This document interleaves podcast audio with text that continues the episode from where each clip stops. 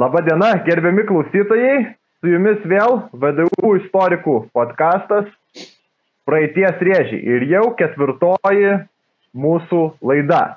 Ketvirta laida, šiandien matote ir dar kai kas siejasi su skaičiumi keturi, keturi pašnekovai šiandien su jumis ir mus visus sieja vienas ryšys. Mes visi esame daugiau ar mažiau susidūrę su labai egzotiška, kartu tikrųjų ir pakankamai liūdna, dažnai ar ne, um, vieta, turinčia tikrai ypatingą emocinį krūvį - Sibirų. Aš pats, na, šio, esu misija Sibiras 2016 metų dalyvis, tad ne šiaip savo apstu šiandien apsirengęs taip šiltai. Pats buvau Sibirė vieną kartą, toli, netoli poliarinio rato įgarkoje, buvau vasarą, tvarkėme lietuvių tremtinių kapus buvo labai karšta. Tai aišku, apie Sibiro šalčius teko skaityti daugiau tik iš knygų. Tačiau galbūt kitokį Sibirą matė šiandienos mano kiti pašnekoviai. Tai labai skirtingais būdais pabuvę Sibirė, tradiciškai su jumis ir Matas Toliušis, kuris 2018 metais vyko su misija Sibiras ekspedicija, bet ne į patį geografinį Sibirą, o į emociškai mums dažnai Sibirų vis tiek priskiriama Kazakstaną. Apie tai vėliau. Taip pat turime dar du dalyvius, vėlgi jau ne pirmą kartą su mumis ir Gediminas Kasus, kuris taip pat vyko į Sibirą, bet su kitu projektu, mokslinių tyrimų tikslais dirbo Tobolske, buvusiai Sibiro sostiniai ir ten rinko archyvinę medžiagą. Taigi tikrai šiandien laidoje galėsim pagvildenti, kągi ten pavyko Gediminui surasti. Na ir ketvirtasis mūsų pokalbio dalyvis šiandien, na, debituojantis mūsų praeities rėžiai laidoje, bet toli gražu nedebituojantis žiniuose apie Sibirą. Tai yra Viktor Bilotas.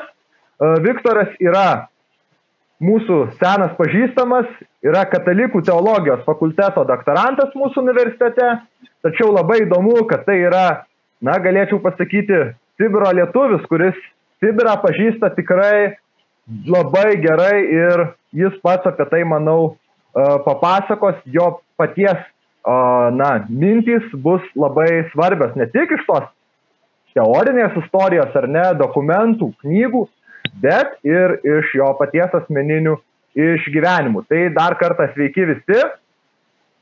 Ir Labai trumpai pristačius iš tikrųjų. Taigi, trumpai pristačius iš tikrųjų norėtųsi uh, man trumpai ar ne įvesti mūsų e, klausytoje, kasgi tas Sibiras yra, ar ne tikrai labai magiška vieta, trys ketvirtadaliai apie, ar ne, dabartinės didžiausios pasaulio valstybės Rusijos federacijos teritorijos, tačiau kartu tik vienas ketvirtadalis šios didžiulės valstybės gyventojų.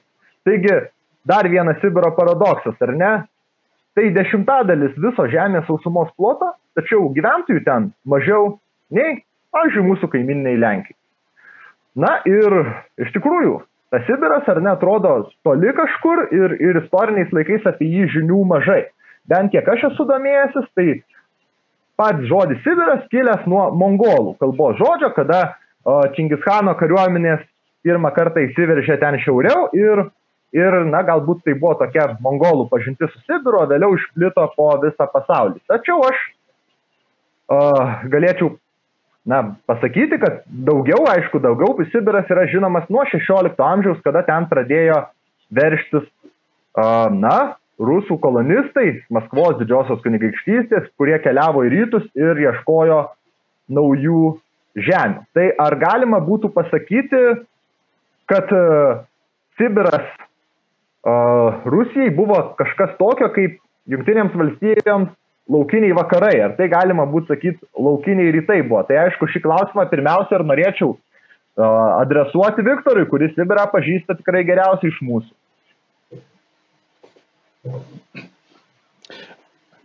Ačiū už kvietimą, gal, galimybę dalyvauti šitam, šitame projekte. E, tikrai labai patiko pati idėja mm, ir mielai prisijungiau.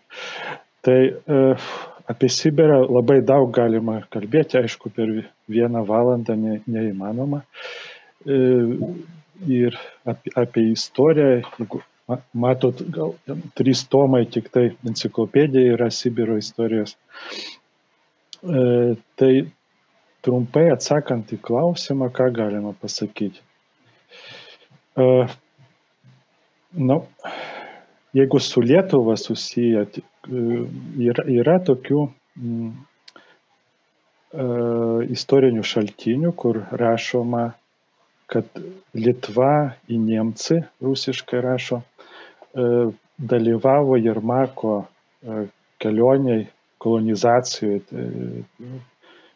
tame pirmame žygy į, į Sibirą. Aišku, anksčiau e, dar buvo medžiotojai iš Rusijos, iš kitų, kitų kraštų, kurie si, Sibirė, ne, tik vietiniai aborigenai, bet ir, ir šitie ateiviai medžiodavo Sibirę. Kaip uh, tremties vieta irgi nuo 16 amžiaus, amžiaus prasideda tokia Sibiro reikšmė. Šitą gal, galime pasakyti. Ir nu, apie tą faktą, apie Jarmaką, čia galima pakviesti lietu, lietuvių istorikus padaryti kokį rimtą tyrimą nes dar yra abejonių, ar šita Litva e, būtent e, buvo e,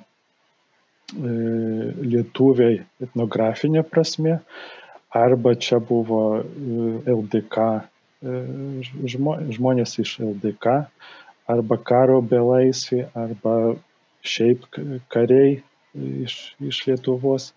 Yra įvairių nuomonių ir čia gerai būtų padaryti kažkokį rimtą tarptautinį tyrimą.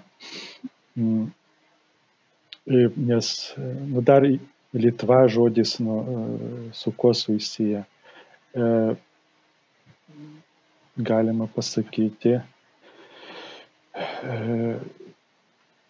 ir su karo belaisviais. Ir dar buvo e, atskiri padaliniai, nu, kaip kariuomenės tipas irgi Litva. Ir čia tokia painiava yra, kuri, e, kurią va, gerai būtų istorikams e, išspręsti. Ačiū kol kas. Tiek. Tai jau matoma pažintis ar ne jau pirmoji 16 amžiaus pabaiga ir dalis lietuvių karių, kurie galbūt buvo samdiniai, klausimų tikrai uh, yra daug, bet matom 17 amžius, kada iš tikrųjų tolygiai vyksta e, Rusijos valstybės stiprėjimas, ar ne, Maskvos pirmiausia stiprėjimas, į rytus plečiamas į Sibirą ir matom pirmos rimtos pergalės prieš tokias, na, konkurentės šios valstybės, tarp jų ir Lietuva, ar ne, yra. Ir 1655 metai, garsi, garsusis ar net Vanas, žiaurūs įvykiai, kurių metu iš tikrųjų dalis gyventojų jau yra gabenami į rytus, į Sibirą, nes jį reikia apgyvendinti. Aš pats buvau keliaudamas į, į Sibiro šiaurę, apsilankęs vienam iš Sibiro didmešių Krasnojarskė, milijoninis miestas, taip pat įkurtas panašiu metu 1628 metais kaip kolonistų iš Maskvos atramos taškas uh, keliaujant į rytus. Ir aišku, kuo labiau stiprėja Rusijos valstybė, tuo uh, Sibiras jai tampa svarbesnis, tuo labiau jinai pasisavina ar ne Sibiro išteklius ir matom iš tikrųjų tos valstybės ypatingas stiprėjimą XIX amžiuje, kada jinai tampa didžiulė imperija, viena galingiausių ir, ir žemėje daugiausiai sprendžiančių valstybių. Na ir e, mums gal toks liūdnesnis, aišku, tai yra laikotarpis, kada Lietuva yra e, užimta, okupuota Rusijos imperijos ir ne vieną kartą, aišku, vyksta sukilimai, vyksta kovos. Tai na reikėtų pereiti prie šio laikotarpio, kuris irgi yra labai svarbus ir, ir, ir iš tikrųjų, na, tuo met daug lietuvių atranda uh, Sibirą ar ne, ir, ir būtent mes dažnai prisimenam būtent sovietinę okupaciją, tuos uh, laikus neramius, žiaurius, kurie yra mūsų atmintyje neseniai, jų rėžiai praeities yra labai mums dar skaudus ir gyvi, nes tai yra mūsų senelių ar jų tėvų laikai. Tačiau dabar aš norėčiau paklausti Gedimino, kad jis mums padėtų priartėti prie kito nemažiau svarbaus laikotarpio, būtent to XIX amžiaus, kada taip pat vyksta, ar ne, carinė okupacija, kada vyksta ir pasipriešinimas, ir kartais prisitaikymas, ir paprasčiausia, na, bandymas kurti, tobulėti kaip visais laikais žmonėjai. Tai, na, iš tikrųjų ir norėčiau paklausti Gedimino, apie tuos Sibiro lietuvius XIX amžiuje, ką teko jam iš tų tyrinėjimų apčiuopti. Na, tas XIX amžius apskritai su Sibiro istorija yra ypatingas, kadangi būtent tuo metu uh, paintensyvėja tokia Rusijos imperijos ekspansinė politika, kada siekiant kolonizuoti Sibirą buvo atkelta ne tik daug kriminalinių tame tarpe aišku ir politinių kalinių, kurių daugiausiai buvo ir iš buvusios Lietuvos didžiosios kunigaikštystės dalyvavusių tiek 1831, tiek 1863 metų sukilime. Ir kalbant apie skaičius tikslius, apie tą statistiką, šiandien net ir sunku yra įvardinti, kiek galėjo tokių žmonių būti. E, vieni duomenys teigia, kad na, galbūt apie 20 tūkstančių, kiti šaltiniai teigia apie 14 tūkstančių ir Tobolskė pačiam teko na, vartyti tas bylas, kur būtent per Tobolską vyko tas na, trėmimas, jeigu taip galime pasakyti, kadangi Tobolskas XIX amžiuje na, buvo vakarų Sibiro sostinė ir visi atvykę į vakarų Sibirą pirmiausia turėdavo per Tobolską praktiškai keliauti. Ir tame archyve na, matome, kad yra labai daug iš tų etnografinės Lietuvos teritorijos asmenų patekusių į Sibirą. Ir tos bylos mums pavyko jų kopijas padaryti skaitmeninės ir atgabenti į Lietuvą. Aišku, šiandien ką kalbėti, jeigu apie tą XIX amžių skirti, tai buvo ne tik e, ir politiniai kaliniai, bet ir tokių įdomesnių istorijų pasitaikė, nes į Sibirą, kaip ir minėjau, vyko toks, na, kolonizacinis procesas, vyko ir gydytojai, ir dvasininkai, ir taip pat įvairūs inžinieriai. Na ir čia iš tokių įdomesnių asmenybių pateko ir Jonas Biržiška, Antanos Biržiškos brolis, Priminsiu, Antanas Biržiška tai buvo nepriklausomybės akto signataro Mykolo Biržiškos tėtis. Ir tarp šitų dviejų brolių įsivyravo na, tokia nesantaika dėl merginos, kaip dažnai būna. Abu buvo įsimylėję iš panevežio bajoraitė Elžbieta Radzevičiūtė ir susipyko. Ir Jonas pralaimėjęs tą kovą tarsi pasitraukė į, į Tobolską ir ten nuo 1877 metų gyveno, visiškai nutraukė ryšius su Lietuva ir, žodžiu, taip e, darbavosi, turėjo, na, tarsi medicinos tokį kabinetą, e, buvo ir, ir, ir sakykime, įvairių kitų sričių specialistų, kurie, na, tiesiog dirba ir gyveno tame Sibirė ypatingai po sukilimų patekę lietuviai stengiasi kurtis, užsiemė daugiausiai žemės ūkio matais, kūrėsi net ir lietuviški kaimai, kurių pavadinimai na, šiandien verčiantis iš koto, naujoji Šeduva, Baisiogala ir, ir taip pat ir Saratovo srityje, nors čia ir Nesibiras dar ir šiandien yra toks kaimas, Čiornaja Padina, kur ir sako, iki pat dabar na, lietuviškai žmonės susikalba, bendrauja, žodžiu, tų ryšių su Lietuva yra ir iš to XIX amžiaus, žinoma, tos statistikos tikslių duomenų sunku šiandien atkapstyti, bet na, bent jau rusų istorikai teigia, kad per tą pirmąjį 1897 metų surašymą lietuviai susirašė vakarų Sibirė apie 1300 asmenų. Tai neaišku, ar nutautėjo, ar galbūt kiti užsirašė kaip Lenkais. Dalis, žinoma, ir grįžo, nes buvo įvairios amnestijos skelbiamos, ypatingai 1868 metais mes galime matyti judėjimą, kad, na, bajorai ypatingai galėjo na, įsikurti vėl buvusios Lenkijos karalystės teritorijoje ir taip grįžti į, į, į savo, sakykime, gimtuosius tus kraštus. Dar apie XIX amžių trumpai pasakyti, kas, kas dar buvo iš šitų, iš Lietuvos, kas, kokie migrantai.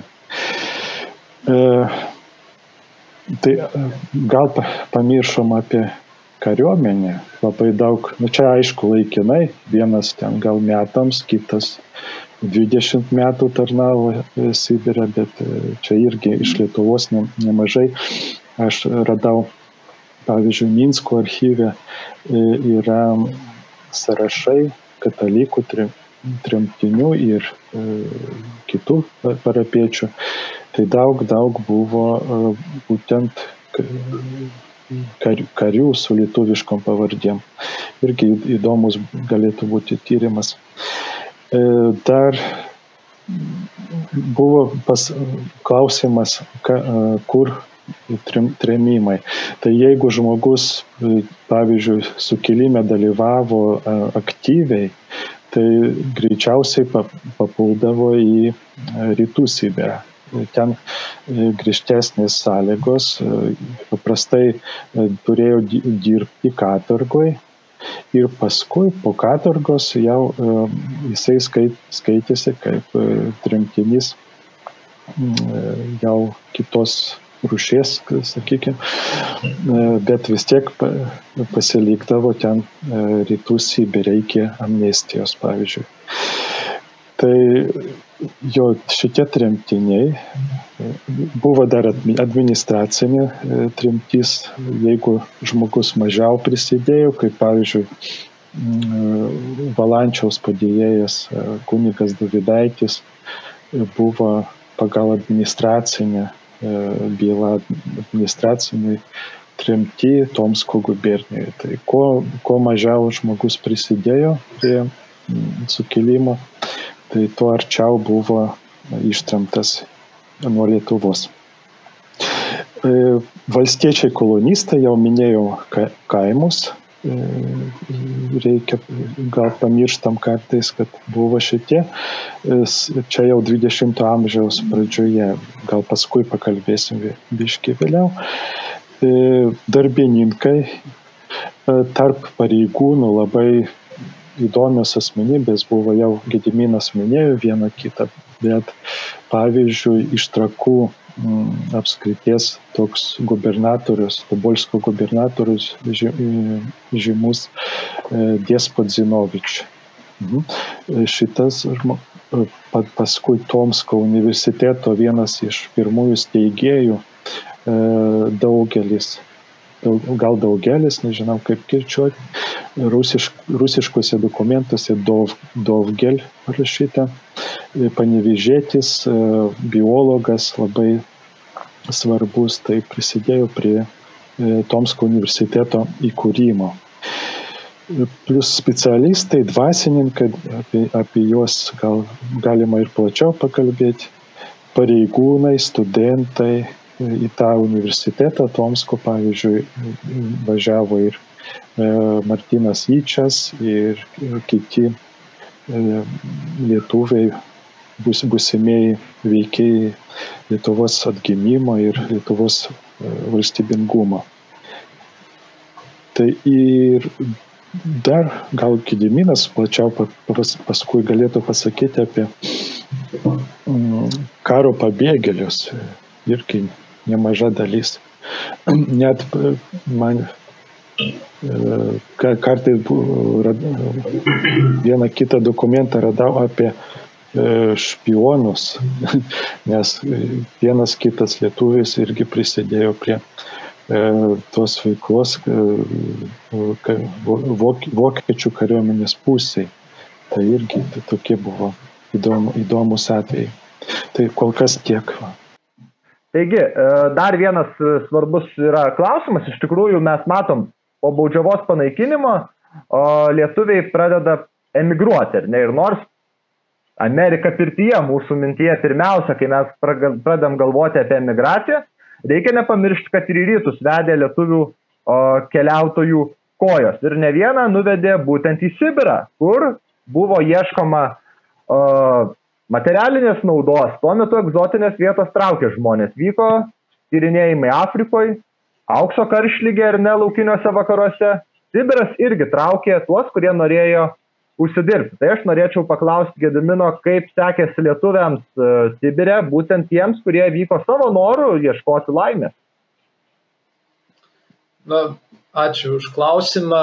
Ir kalbant apie ekonominius migrantus, tai iš ties ne tik tas vakarų industrializuotas pasaulis domino pasitraukusius iš lietuviškų gubernijų, bet ir taip pat didieji Rusijos pramonės miestai. Tačiau Sibiras, na įdomus, jog ten tokių didžiųjų pramonės miestų, kur būtų galima susirasti darbo, beveik apart Jekaterinburgo nebuvo. Tai daugelis tų lietuvių ekonominių migrantų pasitaikė, kad ir sukurdavo savo verslus. Ir, žodžiu, matė nišą, matė galimybę irgi pasinaudoti tais neįsiemiamais klodais ir tarp lietuvių tarpe mes čia galim pastebėti, kad na, lietuviai labai buvo linkę laikyti lentpjūves. Ir, na, kaip pavyzdys, Antanas Matskevičius, taip pat Jonas Pečioka, didelis pirklys, kuris, na, anot archyvinių dokumentų, ne tik supirkinėjo medieną, bet ją ir apdirbdavo ir per metus generuodavo net apie 100 tūkstančių rublių pajamas siekiančias. Ir na, net ir su mūsų etnografinė Lietuva, jeigu lygintumėm, tai tokių verslininkų arba na, pramoninę veiklą užsimanančių XIX amžiaus pabaigoje nedaug aptiksim, žodžiu, lietuvis arba kitaip iš etnografinės Lietuvos emigravęs žmogus sugebėjo irgi susikurti savo na, tą geresnę, e, geresnį gerbuvį ir matome, kad ne tik lentpivės turėjo lietuviai, bet ir malūnus, net ir, na, žodžiu, naudoja garo energiją ir tikrai tai buvo, na, galbūt nedidelė dalis tarptų emigravusių, bet ryški, kuri generavo nemažas pajamas ir dalyvavo visuomeninėme gyvenime, na, aukojo labdarai, galbūt prisidėjo prie mokyklų, bažnyčių statybos, prie bibliotekos, nes, na, XIX amžiui buvo gana įprastas reiškinys, jog verslininkai, ypatingai gildijų nariai, jie e, aktyviai dalyvaudavo ir tame bendruomeninėme gyvenime. Tai iš tikrųjų matom, apžvelgiam keletą visuomenės e, tokių grupių ir e, kurie atsidurdavo Sibirė. Dar aišku, reikėtų nepamiršti, e, na, nežinau, Viktoras mane pataisys, jei klystu, e, bet e, juk ir Kutskė, ar ne, buvo pastatyta katalikų bažnyčia taip pat lietuvio kunigo, kuris atsidūrė, e, na, kaip represuotas žmogus Sibirė, tačiau ten stengiasi vykdė ganytojišką veiklą. Tai matyt, tas irgi yra labai svarbus, ta, paži, pažįstant tą XIX amžiaus Sibirą, ar ne fenomenas. Tai, bet XIX amžiui, Viktorai, ar dar norėsi kokią repliką apie XIX amžių, ar jau bandom į XX keltis? E, tai, galiu apie XIX dar, e, apie dvasininkus paminėti. E, aišku, kad šitas pavyzdys Kristopo Šverimickos pats gal įdomiausias, tik, tikrai graži bažnytėlė, ten ir Kutska ir iki šiol e, galima pamatyti. E, ne tik kunigas lietuvis, bet ir darbus vykdė, kiek aš radau dokumentą ir Kutsko archyve, toksai Antanas Stasiliūnas tai e, tikrai lietuviai ten prisidėjo ir prie statybos ir nemažai buvo, e, reiškia, parapiečių lietuvių. Aplamai Irkutsko gubernijoje toks miestelis Tunka e, buvo ir ten 150 kunigų buvo ištremti po antro sukilimo. Čia įdomus irgi atvejis ir tarp šitų kunigų apie pusę buvo iš Lietuvos. E, nu, čia gali būti atskiras, atskira kalba ir, ir ilga e, apie šitus kunigus. Na, e, o į vak, vakarų Sibirą, kaip aš jau minėjau, kuniga Dovidaitė ir dar nemažai nemažai atvyko po sukilimo tremtinių kunigų ir irgi labai įdomi, pavyzdžiui, toksai Kašarauskas, Ambrozijus, mokslininkas, jisai invalidas buvo, labai sirg, susirgęs buvo Tomske, bet vis tiek bandė rašyti, toliau tyrinėti, rašė į žurnalus ir, ir panašiai. Tai pat šiek tiek apie kunigus. Taigi, dabar jau, man atrodo, reikėtų tikrai mums keltis į 20 amžių ir aišku, trumpai, trumpai galima dar pristatyti, kad būtent tas baigiamasis laikotarpis irgi yra svarbus carinės imperijos turiu minty, nes Piotras Talypinas, kuris Lietuvoje ar ne jaunystę savo leidęs, garsėjo tom idėjom šiek tiek demokratizuoti Rusijos imperiją, kartu bandė labai vystyti žmonių kelimas į Sibirą ir per tą trumpą jo buvimą ministro pirmininko kėdėje jau 3 milijonai žmonių kėlėsi į Sibirą dirbti įvairius darbus, tačiau Talypinas buvo nužudytas ir aišku, tai jo grandiozinius sumanimus sutrukdė padaryti. Atėjo į valdžią netrukus bolševikai po revoliucijos ir jie, vadovaudamėsi savo komunistinę ideologiją, ar ne, stengiasi vietoj Rusijos imperijos paversti dar galingesnę supervalstybę, Sovietų sąjungą, traukti iš užsienio žmonės ar ne, kurie, kurie prijaustų tom idėjom, kad šalis atrodytų humaniška, pažangi, tačiau viduje prieš bet kokius kitaminčius ėmėsi žiauraus teroro. Ir jeigu mes palygintume, Nikolajus II vėlgi, paskutinis Rusijos caras buvo pasakęs apie Vorkutą, kad jeigu čia negyvena varnos, negyvens čia ir žmonės.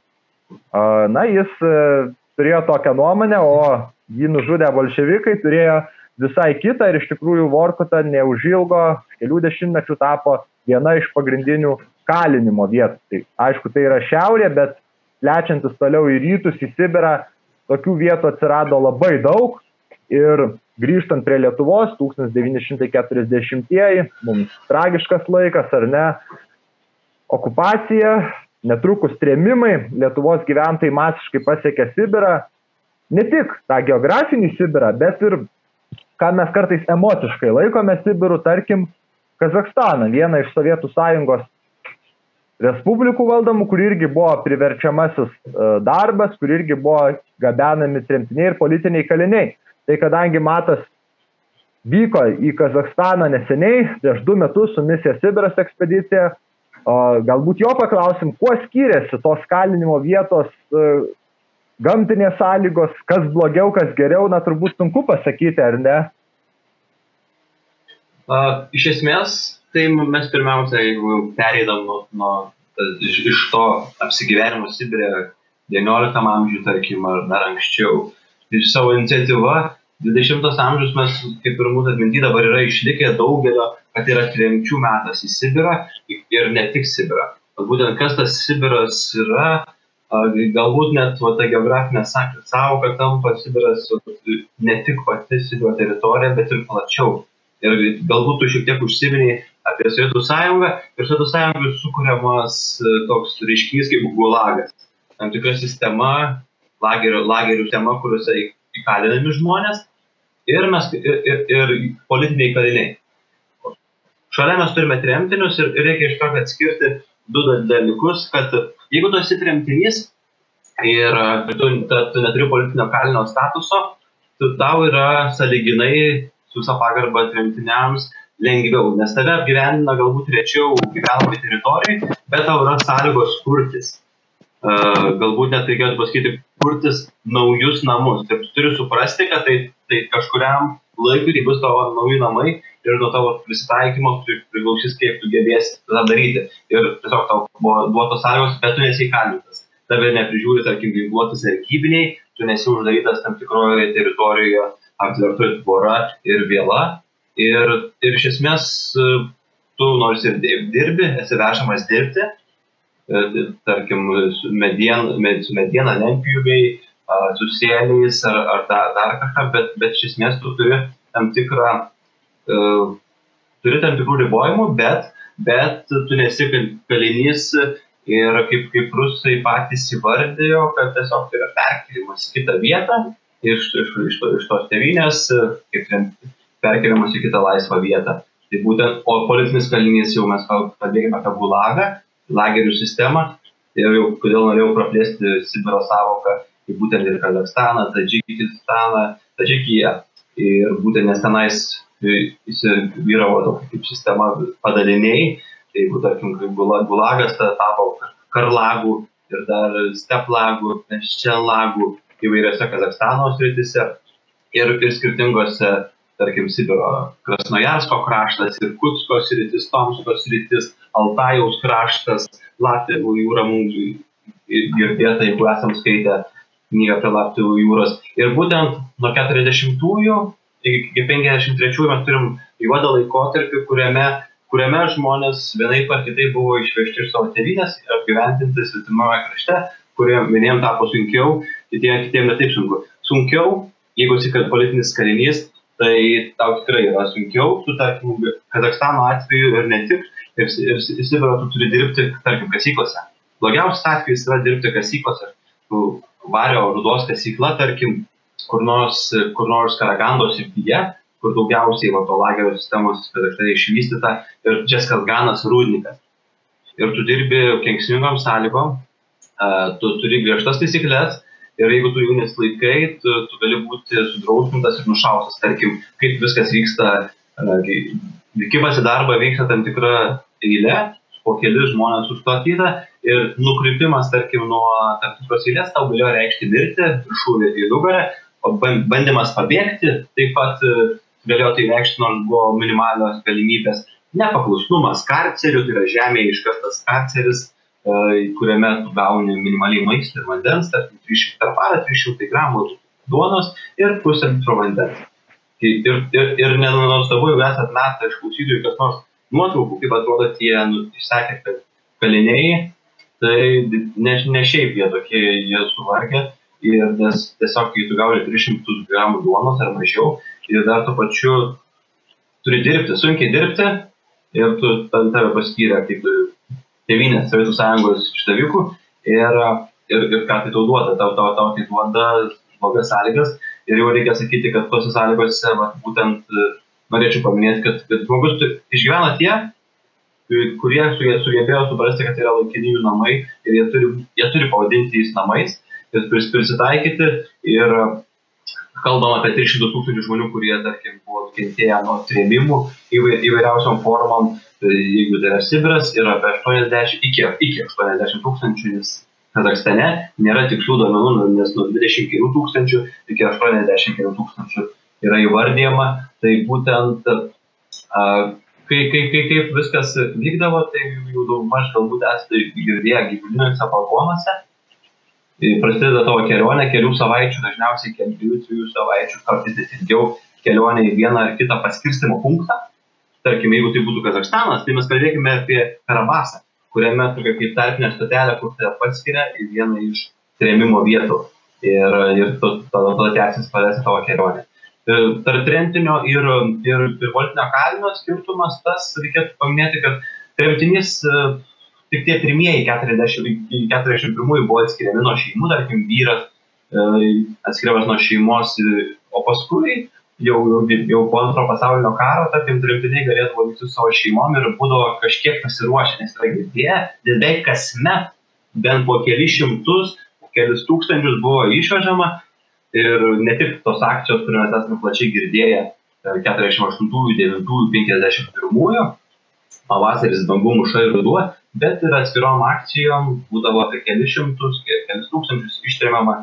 Ir būtent žmonės, kiek atsiminiau, aš tenka paskaityti, būdavo pasiruošę kažkiek tai to maisto, galiausiai kažkiek gali rentinys gauti iš, tarkim, iš tėvynės kažkokią tai siuntinį, patikrintą, e, bet politinį, kalinį tas negalioja ir jisai neturi, neturi, nei, nei, ką, neturi nei paso, jisai yra kalinys ir daugeliu atveju vienas iš tikslų būdavo, kad jisai tenais ir pasiliktų, kad jo išgyvenimo galimybės kuo mažiau sumai būtų sutrikdytos, bet ne veltui, apie tą tremtis, 1954-ieji Džeskas Gano apylinkės, Kengyro lageris ir, ir skirtingų tautų asmenys, lietuviai, ukrainiečiai, latviai, taip pat rusai sukyla prieš lagerių sistemą, būtent Kengyro lageryje, prasideda masiškiausias sukilimas, kiek keli tūkstančiai kalinių sukyla ir, ir tiesiog,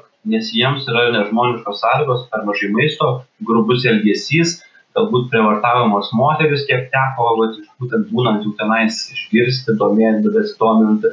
Ir, ir, ir, ir iš esmės ne, tokios sąlygos, kai gyvybė negali būti palaikoma. Ir, me, ir, ir kaip viskas pasibaigė. Labai aiškiai žinutė iš Sovietų sąjungos valdžios, kad e, nors sukilimų vyko gretinai kitose šalia esančiose lageriuose iššakojo, bet būtent aš buvau prie sienos, e, prie ten Kengyrė, kur, kur būtent mums rodė Algis Višniūnas, e, architektas, kad būtent va čia sako dabar stovime ir va čia pervažiavo tankai ir perėjo kariuomenė numalšinti sukilimą ir, realiai apie 700 žmonių buvo tiesiog nu, sunaikinti, sunaikinti ir, ir iš esmės, keistas jausmas stovėti prie sienos ir, ir, ir žinai, kad tiesiog žmonės reikalaudami kažkiek geresnių sąlygų, būna pasivažiuojami iš tankų, kariuomenės nekalbam apie teisingumą, kuriuo tenais, tarkim, nėra, tarkim, teisingumo nėra, teisingumo nėra, elementariai tu stovėdamas, tarkim, prie nutolito linkos mamočkino mamyčių kapinėse, tai labai labai labai stipriai supranti ne tik iš knygų, bet tiesiogiai kai tau pasako, kad kapinaitės atvertos 200 metrų į priekį, 70 šonus ir tau tenais pasako vietiniai, kad tai yra e, moterų ir vaikų kapinės, tu matai antkapius, kur ten vienas, vieno, dviejų, septynių metų vaikai palaidoti ir, ir, ir dar, sako, užtvaruota, kur yra upelis, kur yra gyvenami namai, savartynas, ten yra kapinės, bet tiesiog jum atsakymas yra, jeigu kalbant apie istorinę atmintį, kaip nyksta istorinė atmintis. Padarai savartyną, padarai, padarai gyvenvietę ar dar kažką ir, taip stovi. Supranti, kokiam sąlygom jie gyveno, aš jau nekalbu apie civilimus, apie kurios galbūt šiek tiek vėliau, jeigu įsiplėsim, tai bet, bet bendrai tokia situacija nušviesina jau. Simonai, tu buvęs ir Kutskė su kita ekspedicija, tai būtent amžino išlo žemėje, gali pakomentuoti apie Sibiro gyvenimo sąlygas, kiek teko ir dar pačių vietinių tenais sutikti.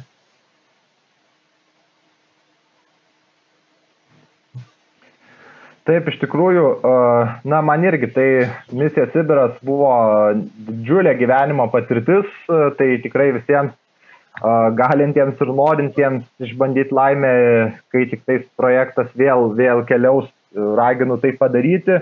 Na ir pačiam teko lankytis iš tikrųjų labai mums tinkančią vietą į Garką už poliarinio rato 650 km nuo Arkties vandenino. Vietiniai sakytų, kad čia ne Sibiras.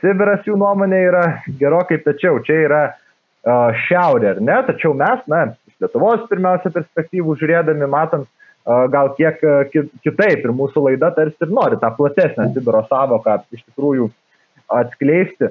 Tai Garka iš tikrųjų, na, iš tikrųjų man labai paliko įspūdį, nes vėlgi jinai parodo tam tikrą, tam tikrą apie pačią tremtį. Kad irgi be abejo politinių kalinių sąlygos, kaip ir Matas minėjo, buvo dar sunkesnės ir, ir, ir būtent lagerio visa sistema buvo tuo pagrįsta, ar ne. Na, Aleksandras Solženicinas ir, tarp kitko, ir daugybė lietuvių autorių, gerokai gal mažiau žinomų, tačiau savo atminimuose puikiai tą demaskavo, ar ne. Ir mes matome, kad Igarko irgi buvo gana gudri sistema, lietuvių ten buvo labai daug, 5000 lietuvių ištremti 48 metais ir sudarė net ketvirtadalį to miestelio populacijos. Ir daugelis jų dirbo medienos apdirbimo darbus antram pagal dydį Sovietų sąjungos medienos kombinate. Darbas irgi be galo sunkus ir paaugliai dirbdavo, krizdavo į šaltus Janisėjaus vandenis, be abejo būdavo žiaurių mirčių tokių e, liūdnų. E, bet e, vėlgi, dar vienas priežastis, kad ne visur reikėjo griežto žiauraus sargybinio čekisto, kuris nepagailės kulkos į nugarą ar uh, smoks šautuvo buožę.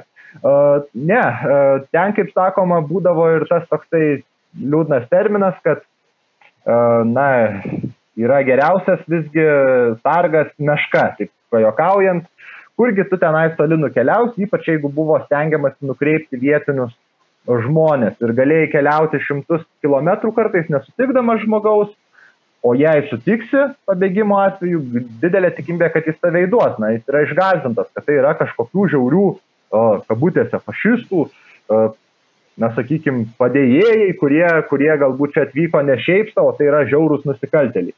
Ir aišku, ta baimė, ypač Stalino laikotarpiu, jinai veikia žmonės, bet reikėtų būtinai ir kai ką iš teigiamos pusės paminėti, kad e, daug gyventojų atsimena lietuvius iš geros pusės. Tai aš tą norėčiau tokį, gal į pabaigą daugiau irgi, kad e, taip, po to, kai Nikita Hruščiovas atleido, panaikino Gulagą 60-aisiais, o prieš tai truputį anksčiau leido masiškai grįžti į tėvynę, e, to vadinamo atšilimo metu, tai iš tikrųjų daug žmonių grįžo ir, ir liko nedaug ten lietuvių ir visgi jie jau spėjo parodyti ir vietiniam ūkininkavimo kai kurias tradicijas, valdžio gamybos netgi, tokių įdomybių yra daug ir net dabar ten gyvenantis iš tikrųjų lietuvius atsimena.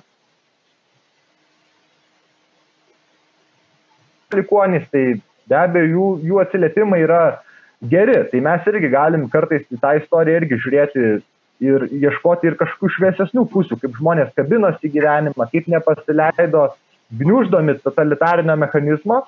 Ir e, tai yra, manau, pamoka, pamoka mums visiems ir kartu, tai manau, su kuo turbūt e, sutiksit, tikiuosi, kad e, paskata tęsti tos mokslinius tyrimus, ieškoti galimybių, ieškoti galimybių keliauti ekspedicijų pagalba ar ne ir rinkti tą dar, ką įmanoma surinkti, fiksuoti gyvai. Na ir manau, gal ir norėtųsi tada truputį į dabartį, jeigu dar turit minčių, po, po vieną kitą trumpą mintį, ką dar galima nuveikti, ištyrinėti, pamatyti Sibirė. Aš dar tik tais trumpai, galbūt apie, vat, apie Sibirą, kaip kitą formą, kaip, kaip, kaip, kaip sakiau, apie Sibiras, kai ta, turėjo tapti namais. Ir viena iš tokių formų buvo vienas Zukas, Albinas Dumbliauskas, kuris, jisai nebuvo ištremtas, jisai būtent vai buvo kunigas Lietuvoje, dirbo Joniškėje, dar keliose vietose, bet šeštam dešimtmetį tapo neparankus, šešiasdešimtmečio pradžioje tapo neparankus būtent sovietų valdžiai ir jam atėmė tą registraciją, būtent dirbti kunigu. Ir žmogus iš tikrųjų nepasidavė, savo kelią žinojo ir matyt buvo palankus Sovietų sąjungai, kad jis išvažiuotų iš Lietuvos, jam suteikė galimybę e, Kazakstane, būtent Karagandoje, pastoriauti, kunigo praktiką užsimti. Ir, o šis žmogus realiai nuo, nuo 1720, nuo 1975 iki 77 sukūrė katalikų bendruomenę Karakandoje. Ir vat, būtent 18 metų ekspedicijoje ir 19 metų ekspedicijoje, kiek žinau, tenais buvo apsilankę toj bendruomeniai. Faktas dabar kunigai ten lietuviškai nešneka, bet yra monumentas, būtent paminklas tai tam Albinui Dumbliauskui, kuris vat, būtent graži tokia sąsaja su 19 amžiaus Sibiro bažnyčių parapijų kūrimu, būtent ir, ir, ir būtent Karakandoje savo namus, savo bendruomenę susikūrė to, to meto lietuvis Albinas Dumbliauskas, kuris nors ir turėjo suvaržymų, jį išsiuntė iš tėvynės, bet jisai vat, jis gebėjo kurti, jis gebėjo kurti ir, ir kitoje vietoje, vietoje jo lab ir šiandien, ir, ir išlaikė tai, kad, kad prisimena ir šiandieną, nors rusiškai pasakodami, bet jie prisimena, kad lietuvių sukūrė katalikų bendruomenę. Būtent visiems mums, kaip mums pasakoja dabartinis tas kunigas 2018 metais. Tai va, taigi dabar tiesa atėjo, realiai va tokia Sibiro istorija. Na, kalbant apie pačius mokslinius tyrinėjimus, aišku, sudėtinga tikėtis, jog pokario ta istorija ir tie archyvai bus prieinami Rusijoje esantis lietuvių tyrinėtojams, bet aš čia tokią tarsi reklamą noriu padaryti projektui Sibirijada, kurio vienas iš generatorių idėjos yra Viktoras. Ir tie, kas domisi ypatingai XIX amžiaus, XX amžiaus pradžios Sibiro istorija ir ta, tai saitai su Lietuva, tai na, galite ne tik pamėgti galbūt Facebook'e esantį puslapį, bet ir su pačiu Viktoru bendrauti, kuris tikrai yra na, unikalus šios ryties specialistas ir Taip pat dar e, apie pačią šiandieninę Sibiro, na ir lietuvių tą bendruomenę, galbūt ir Viktorui būtų pravartu papasakoti, kiek šiandien lietuviai aktyvus, kiek jie dar e, dalyvauja galbūt e, na, įvairiuose visuomenės reikaluose ir kiek tos bendruomenės gyvos ir, ir kiek jos prisimena, kad yra na, jų šaknis iš, iš Lietuvos.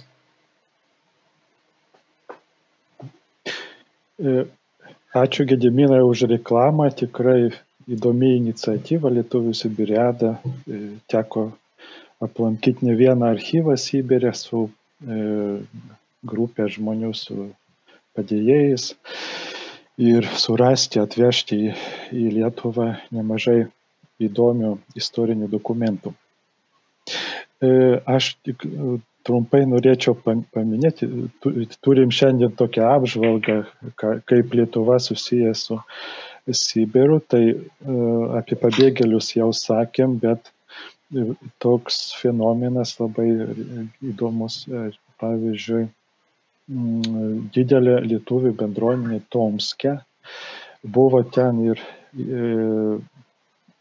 profesorius Buga, Jisai buvo redaktoriumi e, lietuviško laikraščio Sibiro lietuvių žinios. Ir šiaip gyvenimas, va, kas liečia tyrimo, pavyzdžiui, šitų, šitų lietuvių pabėgėlių dar mažai e, tyrinėtas. E, ten ne tik buvo laikraštis, buvo mokykla, buvo kažkoks, kokia kultūrinė veikla, kaip ir E, teatras, galima pasakyti. E, šitą svarbu nepamiršti. Dar nepaminėjom šiandien socialistų, buvo tremtinių, e, iškart kalbėjom apie e, tą antrą pasaulinį karą, bet buvo pats Stalinas, pavyzdžiui, trimti buvo Tomsko gubernijoje Narime ir nemažai lietuvių e, tokių socialistų e, buvo ištremti į Sibirą. Tai pats įdomiausias radinys galbūt buvo byla e, Angariečio, gal lietuviam istorikam gerai žinomas asmo. Tai va, Krasnojarskė radom, atvežėm kopiją šito ankariečio bylos. E, kas liečia dabar, dabartinės situacijos, e, gana stiprios bendruomenės e, yra Irkutske, Krasnojarske, Barnaulė. Va šitie, šitie trys miestai, dar, dar Buriatijoje aktyvus lietuviai. E, keturios vietos, kur tikrai įdomu yra būtų lietuviam aplankyti, dalyvauti ir kažkaip e, bendradarbiauti su šitom bendruomenėm, kažką gero e, padaryti. To tarp kitko ir mm, tokių galima planuoti mokslinių tyrimų.